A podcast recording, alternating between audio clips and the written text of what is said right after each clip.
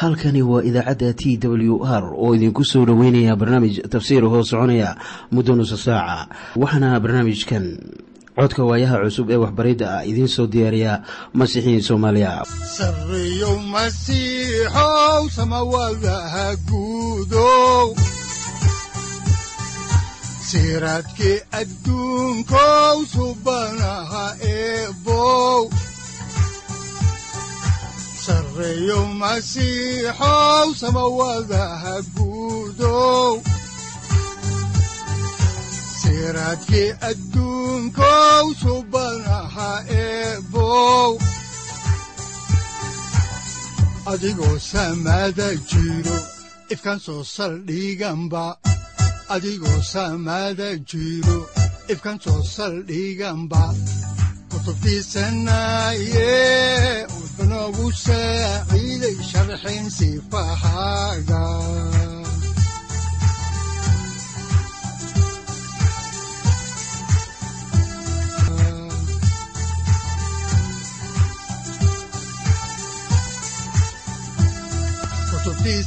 tubtiisinayow ebnagu saaciid sharxin sifahaaga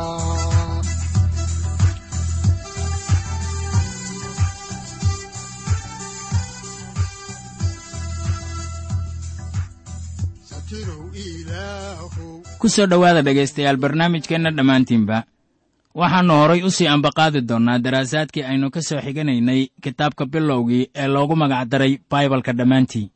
Waxaannu caawa idiin sii wadi doonnaa cutubka soddon iyo labaad ee kitaabka bilowgii halkaasoo aynu ka sii ambaqaadayno qisadii yacquub. Mawduucyada cutubkani uu ka kooban yahay waxa ay kala yihiin xiisadaha nolosha yacquub. Yacquub oo isku diyaarinaya inuu ciisow la hardamo fanuu'eel oo yacquub nin kula legdamay magicii yacquub oo loo beddelay israa'iil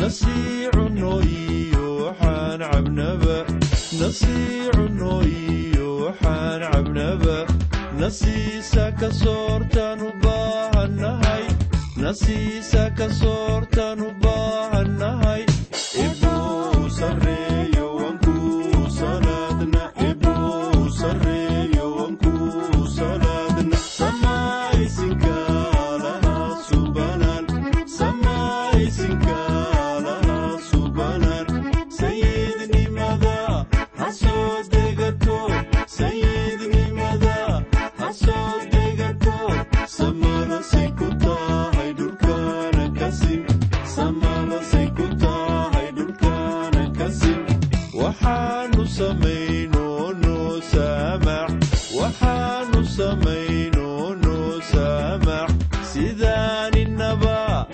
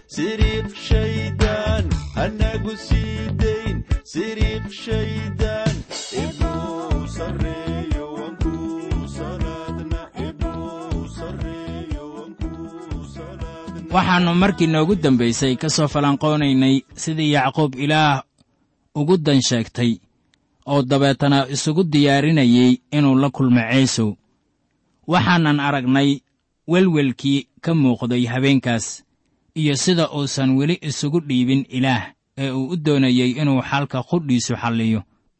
Haddaan dib ugu noqonno kitaabka bilowgii cutubka laba iyo soddonaad aayadaha toddoba iyo toban ilaa labaatan ayaa waxaa qoran oo kii ugu horreeyey ayuu amray oo wuxuu ku yidhi markii walaalkay ceesow kaa hor yimaado oo ku weyddiiyo isagoo ku leh oo xaggee baad ku socotaa kuwan kaa horreeyana yaa leh waxaad ku tidhaahdaa waxaa leh addoonkaaga yacquub oo waa hadiyad loo soo diray sayidkayga ceesow oo isagiina wuu naga dambeeyaa.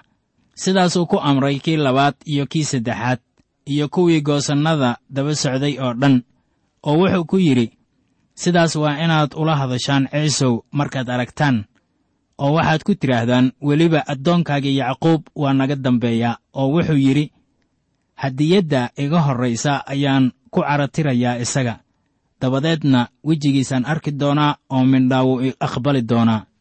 Ceesow goosongooson buu ula kulmi doonaa hadiyadda walaalkiis.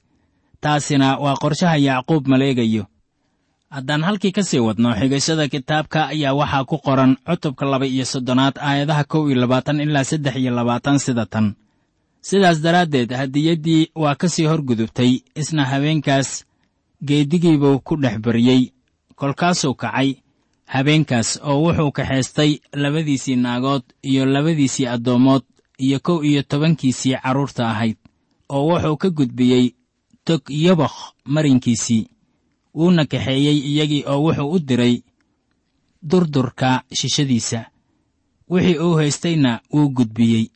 Iminkana aynu eegno maaddada ah yacquub oo fanii'eel kula legdamaynin haddaan halkii ka sii wadno kitaabka ayaa waxaa ku qoran cutubka laba iyo soddonaad aayadda afar iyo labaatanaad sida tan.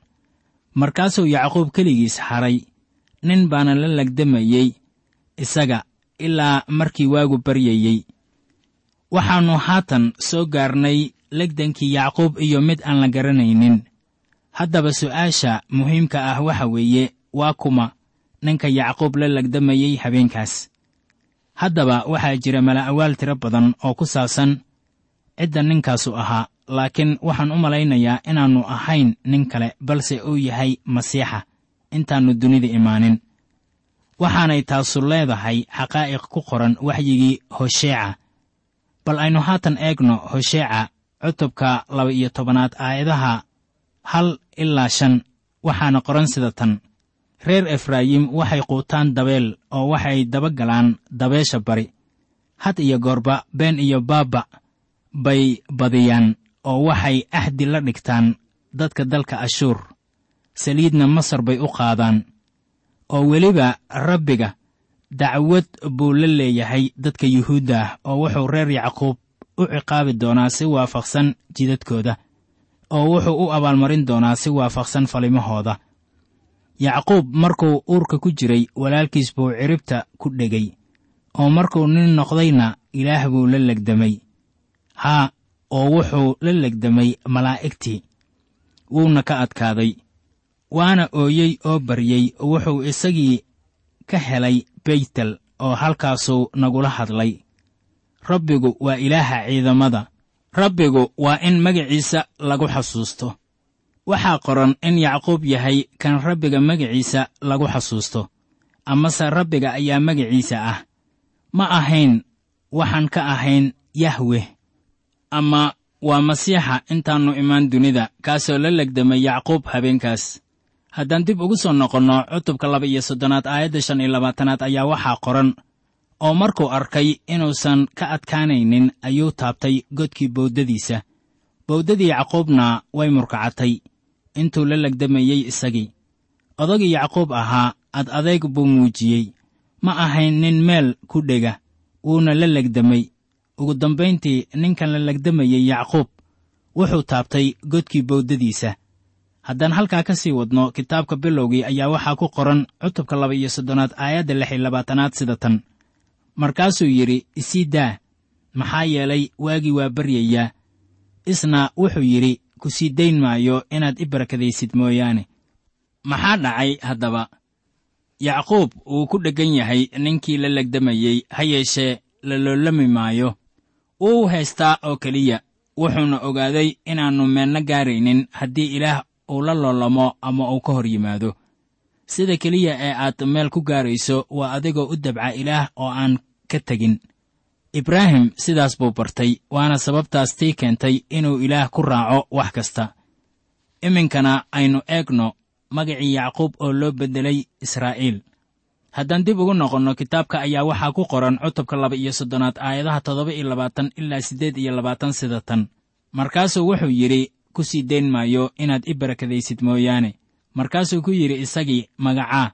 Isna wuxuu yidhi yacquub markaasuu ku yidhi magacaaga hadda kadib lama odhan doono yacquub waase israa'iil. Waayo ilaah iyo dadba waa la dagaalantay waanaad ka adkaatay. Isaga kol dambe loogu yeeri maayo yacquub maquuniyaha khiyaanalowga ah laakiin israa'iil baa loogu yeerayaa. Waayo ilaah iyo dadba waa la dagaalantay waanaad ka adkaatay. Haatan dabeecadda cusub ee israa'iil waxaa lagu dhex arkayaa nolosha ninkan haddaan halkaasi ka sii wadno qisada ayaa waxaa ku qoran kitaabka bilowgii cutubka laba iyo soddonaad aayadaha sagaal iyo labaatan ilaa soddon sida tan. Yacquubna wuu weyddiiyey oo wuxuu ku yidhi waan ku baryayaaye ii sheeg magacaaga oo wuxuu yidhi bal maxaad u heebsanaysaa magacayga halkaasuuna ku barakadeeyey. Yacquub wuxuu arkay malaa'igta rabbiga oo ahaa kristos. Intaannu dunida imaanin ama masiixa intaannu dunida imaanin haddaan halkii ka sii wadno ayaa waxaa ku qoran cutubka laba iyo soddonaad aayadaha kow iyo soddon ilaa laba iyo soddon sida tan. Qorraxdiina waxay soo baxday markuu fanuu'eel dhaafay. Isna bowdadiisii buu ka dhutinayey sidaas daraaddeed ilaa maantadan reer banu israa'iil ma cunaan seedda misigta ee ku dultaal godka bowdada maxaa yeelay wuxuu taabtay godkii bowdadii yacquub xagga seedda misigta. Waxay ahayd in ilaah xakameeyo yacquub si loo soo qabto. Laakiin waa la qabtay. Yacquub wuxuu diiday inuu ilaah isku dhiibo markii hore. Taasina waxay ahayd wax lagu yaqaanno wuxuu garanayey macaamiilooyin dhowr ah. Wuxuuna u malaynayey in xoogaa kadib xaalkani gudbayo. Ugu dambayntii wuxuu ogaaday inaannu ilaah ka baxsan karin. Laakiin haddana isma dhiibin. Bawlos wuxuu maanka ku hayey inay jiraan sharnimo dadka ugu timaada qasab. Sida ku qoran warqaddiisii reer rooma cutubka toddobaad aayadda sagaal iyo tobanaad oo leh waayo waxa wanaagsan oo aan doonayo inaan falo ma sameeyo. Laakiinse waxa sharka ah oo aan doonayn inaan falo ayaan sameeyaa bawlos wuxuu ogaaday inaanay dabeecaddii hore ka maqnayn wanaagga oo keliya laakiinse ayaan lahayn xoog iyo awood ay wax kaga qabato waxyaabaha dabeecadda cusubi doonayso. Ugu dambayntii waxaannu maqalnay isagoo ooyaya oo leh sida ku qoran warqaddiisii rooma cutubka toddobaad aayadda afar iyo labaatanaad. Oo leh nin balaayaysan baan ahay yaa iga furan doona jidhkan dhimashada leh. Waa ilaah aawadiis kan aad wax waliba uga shukriyayso waayo waa ilaah meesha caawimaaddaadu ka imaanayso waxaa aayadda ugu dambaysa ee cutubka toddobaad warqaddii bawlos uu u qoray reer rooma ay leedahay qayb ahaan. Sidaas daraaddeed aniga qudhaydu waxaan maankayga ugu adeegaa sharciga ilaah. Laakiinse waxaan jidhka ugu adeegaa qaynuunka dembiga. Warbixintaasna innaga oo dhan ayay ina wada saamaysaa. Waxaannu leennahay dabeecadahaas hore. Looma fadhiyo in dabeecadaheennii hore ay sinaba ilaah uga farxiyaan bilxaqiiqa bawlos wuu sii waday hadalkiisii oo wuxuuna yidhi dabeecaddan hore ma hoos timaado sharciga ilaah. Sinaba ilaah uma hoos timaado dabeecadda inagu laran. Iminkana waxaynu soo gaarnay cutubka saddex iyo soddonaad. Waxaan ku bilaabayaa cutubkan. Inta mawduucyadiisu ay ka kooban yihiin waxaana ay kala yihiin sida soo socota. Kow yacquub oo la kulmaya ceesow labo yacquub oo u socdaalaya saalim. Haddaba cutubkii aynu kol dhow ka soo baxnay waxaan ku soo aragnay arrimihii ka muuqday noloshii yacquub ee uu ilaah kala hor yimid. Habeenkaas nin ayaa la legdamay yacquub. Ninkuna ma ahayn yacquube baa legdanta la yimid. Yacquub dooni mayn habeenkaas inuu legdamo. Iminkase aynu aragno maaddada ah yacquub oo la kulmay ceesow haddaba aynu u soo noqonno faallada kitaabka sida ku qoran bilowgii cutubka saddex iyo soddonaad aayaddiisa koowaad oo leh markaasaa yacquub indhihiisii kor u taagay uu wax fiiriyey. Wuxuuna arkay ceesow oo soo socda oo afar boqol oo nin wata. Kolkaasuu carruurtii u qaybiyey lee ah iyo raaxeel iyo labadii addoommood yacquub wuxuu doonayaa inuu badbaadiyo qoyskiisa. Markaana kuwii kale ayuu ka soo saaray. Haddaan halkii ka sii wadno xigashada kitaabka bilowgii ayaa waxaa ku qoran cutubka soddon iyo saddexaad aayadaha laba ilaa saddex sida tan markaasuu addoommihii iyo carruurtoodii ugu hormariyey lee ah iyo carruurteediina wuu ku xigsiiyey. Raaxeel iyo yuusufna wuu ugu dambaysiiyey. Isna markaasuu ka hor gudbay toddoba goor buuna sujuuday intuusan walaalkiis u soo dhowaan waxaan jeclaan lahaa inaan arko sawirka yacquub oo la kulmaya walaalkiis ceesow waxaan malaynayaa markii uu u soo jirsaday ilaa iyo hal meel inuu bilaabay inuu u sujuudo wuxuuna soo socdaa isagoo koofiyadda gacanta ku haysta waayo ciisow wuxuu wataa afar boqol oo nin. Yacquubna ma ogeyn in ciisow uu u imaanayo sida gacal ama cadow haddaan halkii ka sii wadno faallada kitaabka ayaa waxaa ku qoran aayadda afaraad ee isla cutubkan. Sida tan ciisowna wuu ku soo orday inuu ka hortago isaga. Wuuna isku duubay oo qoortiisu dhab yidhi wuuna dhunkaday wayna ooyeen. Waa hagaag waa niman mataano ah oo walaalo ah. Wixii tegey way tageen. Waxaanay u muuqataa sida in ilaah taabtay qalbigii ciisow waayo wuxuu ku dhaartay inuu ka aargoosto oo uu dili doono yacquub. Haddaan eegno cutubka saddex iyo soddonaad aayadaha shan ilaa toddoba ayaa waxaa ku qoran markaasuu ciisow indhihiisii kor u taagay oo wuxuu arkay dumarkii iyo carruurtii oo wuxuu ku yidhi waa ayo kuwan kula socdaa isna wuxuu yidhi waa carruurtii ilaah intuu ii roonaaday i siiyey anoo ah addoonkaaga yacquub wuxuu halkan barayaa ciisow qoyskiisii. Haddaan halkaa ka sii wadno ayaa waxaa ku qoran aayadda siddeedaad sida tan. Markaasuu yidhi maxaad ula jeeddaa kooxahan iga hor yimid oo dhan isna wuxuu yidhi inaad raalli iga noqotid sayidkaygiiyow. Sida abbaarta ah yacquub wuxuu rumaysnaa markaas in qorshihiisii uu walaalkiis ugu soo dhowaanayey uu shaqeeyey laakiin qorshahaas looma baahnayn. Maqal waxa ciisow uu leeyahay. War maxay kala duwanaayeen? Aynu eegno haddaba cutubka soddon iyo saddexaad aayadda sagaalaad oo leh ciisowna wuxuu yidhi walaalkayow wax igu filan baan haystaa ee iska hayso waxaaga. Ciisow wuxuu lahaa ma ahan wax loo baahan yahay inaad ii soo dirto xoolahaas. Xoolo badan baan leeyahay haddaan halkii ka sii ambaqaadno faallada kitaabka ayaa waxaa ku qoran cutubka saddex iyo soddonaad aayadaha toban ilaa kow iyo toban. Sida tan yacquubna wuxuu yidhi maya waan ku baryayaaye haddii aad haatan raalli iga tahay dee hadiyaddayda gacantayda ka guddoon. Waayo wejigaaga waxaan u arkay sidii wejigii ilaah loo arko oo adna waad igu faraxday waan ku baryayaaye guddoon hadiyaddayda lagu keenay. Maxaa yeelay ilaah baa ii roonaaday oo haddana wax igu filan baan haystaa. Aad buuna u baryey kolkaasuu guddoomay. Waxaana beri hore caddaan ahayd qaas ahaan in yacquub mar waliba doonayey inuu walaalkiis wixii uu lahaa ka qaato ama uu dhaco. Haatanse waxaynu arkaynaa in yacquub uu soo galay marxalad cusub halkan wuxuu walaalkiis ku dirqinayaa inuu hadiyad ka qaato. Ciisow wuxuu yidhi ma ahan inaad isiiso waxaan haystaa xoolo badan oo igu filan laakiin yacquub wuxuu ku adkaystay inuu aqbalo. Imaqal dhegayste. Wax baa ku dhacay yacquub. Markaana ciisow hadiyaddii buu qaatay. Haddaan halkii ka sii wadno kitaabka oon eegno cutubka soddon iyo saddexaad aayadda laba iyo tobanaad ee kitaabka bilowgii ayaa waxaa qoran oo wuxuu yidhi socdaalkeenna aan iska sii soconno oo ina keena oo anna waan kaa hormarayaa.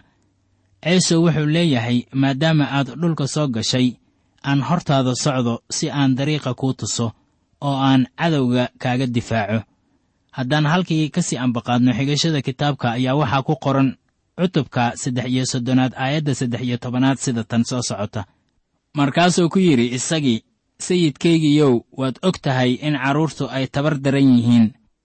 Ariga iyo lo'dana waa la nuugaa oo haddii maalin keliya aad loo sii kaxeeyo dee arigu waa dhimanayaa yacquub wuxuu leeyahay waxaan tartiib u soo luudinayaa qoyska waxaana jira kuwo yar yar xoolahana waxaa ku jira maqal ka kooban waxarro weylo nirigyo iyo naylo yaryar sababtaas daraaddeed yacquub waxa uu leeyahay xoog uma ordi karno. Waxaa kale ee uu leeyahay adiga dabcan waxaad wadataa ciidamo afar boqol ah kuwaasoo dheeraynaya. Marka adigu hormar. Haddaan xigashada kitaabka halkii ka sii wadno ayaa waxaa ku qoran cutubka saddex iyo soddonaad aayadda afar iyo tobanaad sida tan soo socota. Sayidkaygiiyow waan ku baryayaaye iga hormar anigoo addoonkaaga ah oo anna aayar baan soo kaxayn anoo fiirinaya tallaabada xoolaha i hor jooga iyo tallaabada carruurta ilaa aan siciir kuugu imaado sayidkaygiiyow yacquub wuxuu leeyahay walaalow kulama saan qaadi karo waa inaan socdaa inta aan kari karo. Adigu horay isaga sii soco innagoo halkii idinka sii miisayna faallada kitaabka ayaa waxaa ku qoran cutubka saddex iyo soddonaad aayadaha shan iyo toban ilaa lix iyo toban sida tan soo socota. Markaasaa ciise oo ku yidhi haddaba aan dadka ila jira qaar kaaga tago. Isna wuxuu yidhi maxaa looga baahan yahay? Raalli iga ahow sayidkaygiyow oo maalintaasaa ciisow ku noqday jidkiisii ilaa siciir. Ciisow wuxuu ku noolaa dhulkii kancaan dhankiisa koonfureed ee loo yaqaanno dhulkii edom wakhtigan ka dib markii aabbahood dhintay ayuu u guuray buur saciir taasoo ilaah dhulkaas u siiyey ciisow inuu dego sida ku qoran. Sharciga ku noqoshadiisa cutubka labaad aayadda shanaad. Iminkana aynu eegno maaddo kale waxaana weeye yacquub oo u socdaalay saalem haddaan ku soo noqonno kitaabka bilowgay cutubka soddon iyo saddexaad ayaa waxaa ku qoran aayadda toddoba iyo tobanaad sida tan. Yacquubna wuxuu u socdaalay sukot wuxuuna ka dhistay guri. Xoolihiisiina wuxuu u sameeyey xerooyin. Sidaas daraaddeed meeshaas magaceeda waxaa la yidhaahdaa sukot bal yaynan haatan si fudud ama dhaqsiyo leh ku dhaafin halkan oo yaynan ka dhug la'aan wixii dhacay. Isbeddel weyn ayaa ku yimid ninkan yacquub ah. Waxaad aragtaa qorshihii xariifnimada ahaa ee yacquub ee uu doonayey inuu walaalkiis ku guddoonsiiyo hadiyadaha inaanay waxba ka caana casaan haddaba ma jiro wax aan uga shakinno haddaba aynu dib ugu noqonno kitaabka bilowgii cutubka soddon iyo saddexaad aayadaha siddeed iyo toban ilaa sagaal iyo toban oo leh yacquubna nabad buu ku yimid magaaladii shekem oo ku taal dalka kancaan. Markuu ka yimid fadan aaraam oo wuxuu degay magaalada horteeda. Tegadii uu teendhadiisii ka dhistayna wuxuu ka iibsaday reer xamoor oo ahaa shakam aabbihiis oo wuxuu siistay boqol xabbadood oo lacag ah. Yacquub ayaa mararka qaar lagu canaantaa hakashadii uu ku hakaday sukot iyo saalim iyo wixii uu horay socdaalkiisa ugu sii wadi waayey ilaa iyo beytel. Dabcan waa inaynan ka malaysan wax badan yacquub wakhtigan xaadirka ah waayo isaga waa la xakameeyey wuxuuna haatan baranayaa inuu ku socdo lugihiisa ruuxa. Mar kale aynu eegno cutubka soddon iyo saddexaad aayadda labaatanaad halkaasna wuxuu ka taagay meel allabari wuxuuna u bixiyey el elohe israa'iil oo macnaheedu yahay ilaaha ah ilaaha israa'iil yacquub wuxuu dhisay meel allabari isla sidii awowgiis ibraahim caado u ahayd meel kasta ee uu aadaba. Muhiimaddu waxay tahay haatan in yacquub magaciisa cusub kaga markhaati kacayo magaca ilaah. Wuxuu ugu yeedhay magacii allabariga el elohe israa'iil oo macnaheedu yahay ilaaha ah ilaaha israa'iil waxaa tanu ay markhaati ka tahay inay jirto kororsiimo uu helay ninkan haatan baranaya inuu ilaah la socdo. Haatan aynu ka dhigno ama u qaadanno sida tan. Ninkan wuxuu ku sii jeedaa beytel laakiin weli ma uusan imaanin.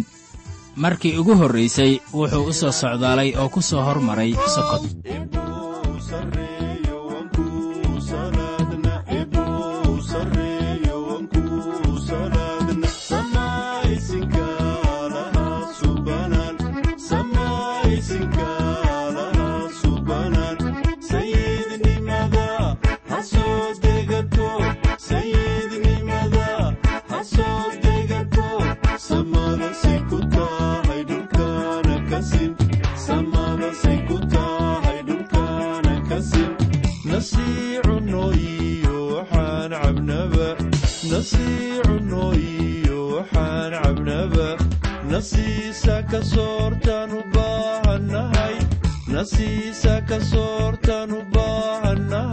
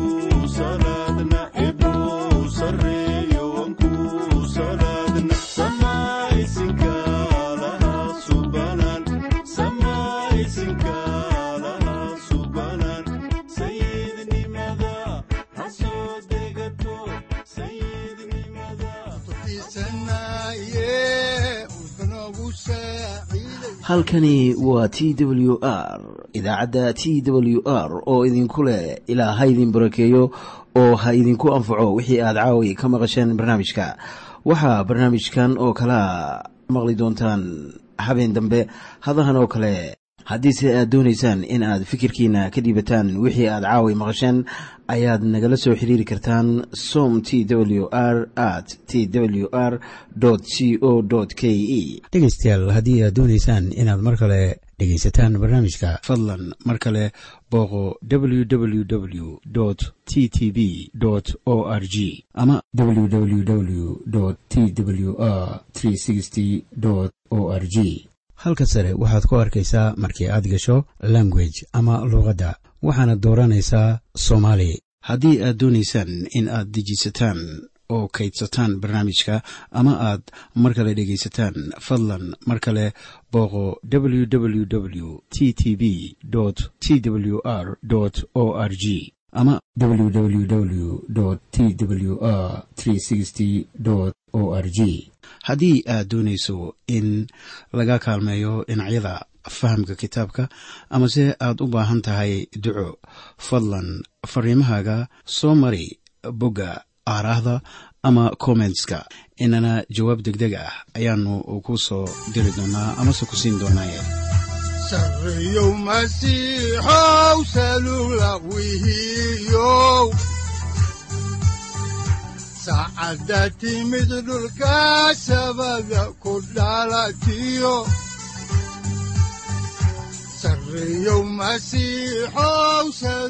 halkani waa t w r oo idiin rajaynaya habeen baraare iyo barwaaqaba leh inta aynu ka gaari doono wakhti aynu ku kulanno barnaamij la mida kan caawayay aad maqasheen waxa aan idinku leeyahay nabadda ciise masiix ha idinku badato xagga jidhka iyo ruuxaba aamiin